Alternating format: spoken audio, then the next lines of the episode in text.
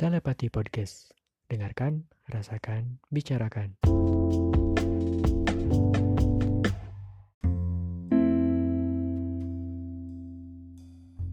Melanjutkan sebuah rasa egois yang dengan pedenya mengatakan bahwa aku dan dia berada di zona nyaman.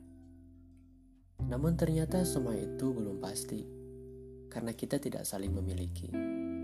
Sekalipun memiliki hanya sebuah nomor pribadi, bukan isi hati. Kadang pernah sadar bahwa mungkin hanya sebuah perasaan biasa, tapi masa iya cuma aku yang merasa bahwa ada yang istimewa? Pernah juga berpikir seperti ini. Udah, dia itu cuma teman. Cuma teman. Kenapa aku harus baper? Tapi ternyata aku ingat bahwa kita bukan baru berteman di hari kemarin. Entah berapa banyak windu yang telah dijalani. Dan gak tahu udah berapa banyak chat yang udah dibangun. Membiarkan jari menari-nari di atas keyboard ini. Kalaupun dijadiin makalah, Gak tahu udah berapa banyak makalah yang aku buat.